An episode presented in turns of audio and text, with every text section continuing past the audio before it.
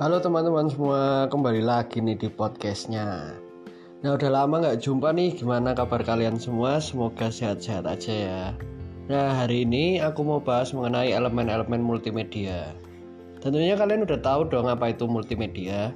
Kalau secara definisi sih, multimedia itu adalah penggunaan komputer untuk menyajikan dan menggabungkan teks, suara, gambar, animasi, audio, maupun video.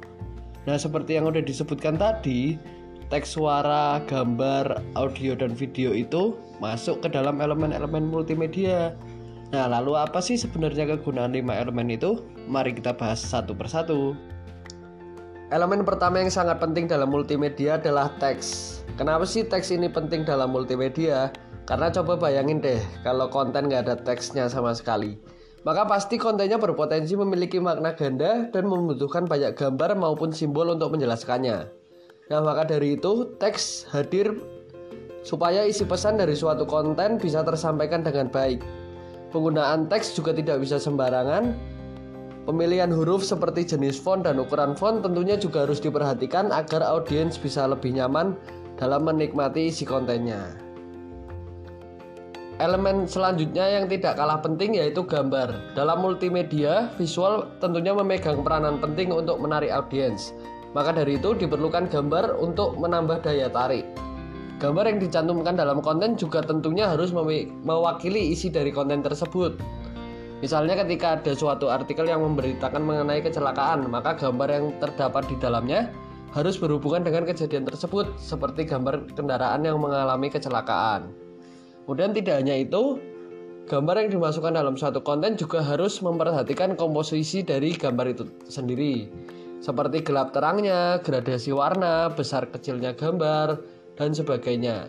Dengan memperhatikan berbagai komposisi tersebut, maka audiens tentunya akan lebih nyaman untuk men menikmati suatu konten karena gambar yang disajikan dapat mewakili suasana dari isi kontennya.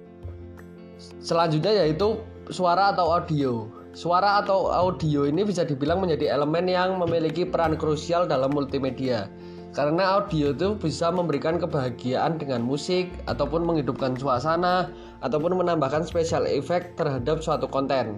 Maka dari itu peran audio menjadi krusial karena tanpa audio yang baik maka audiens tidak akan tertarik dengan konten yang diproduksi.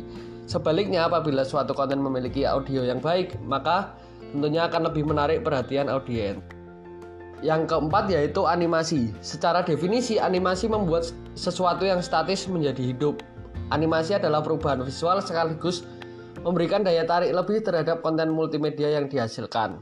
Meskipun pembuatannya lebih rumit dibandingkan elemen-elemen lainnya, namun animasi ini sangat menambahkan daya tarik kepada suatu konten multimedia karena dapat membuat konten tersebut menjadi lebih hidup.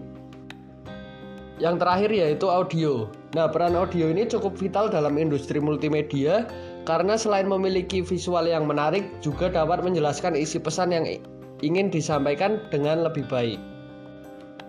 Nah, itu dia 5 elemen dari multimedia interaktif yang sangat penting untuk diketahui di era modern saat ini, apalagi dengan kemunculan media-media yang semakin banyak. Maka dari itu, dengan produksi multimedia yang baik akan menciptakan konten-konten multimedia yang berkualitas serta menarik juga untuk audiens. Segitu dulu penjelasanku mengenai elemen-elemen multimedia. Semoga penjelasanku tadi dapat memberi pengetahuan lebih buat kalian mengenai industri multimedia. Terima kasih sudah mendengarkan dari awal hingga akhir. Sampai jumpa di podcast berikutnya. Bye bye.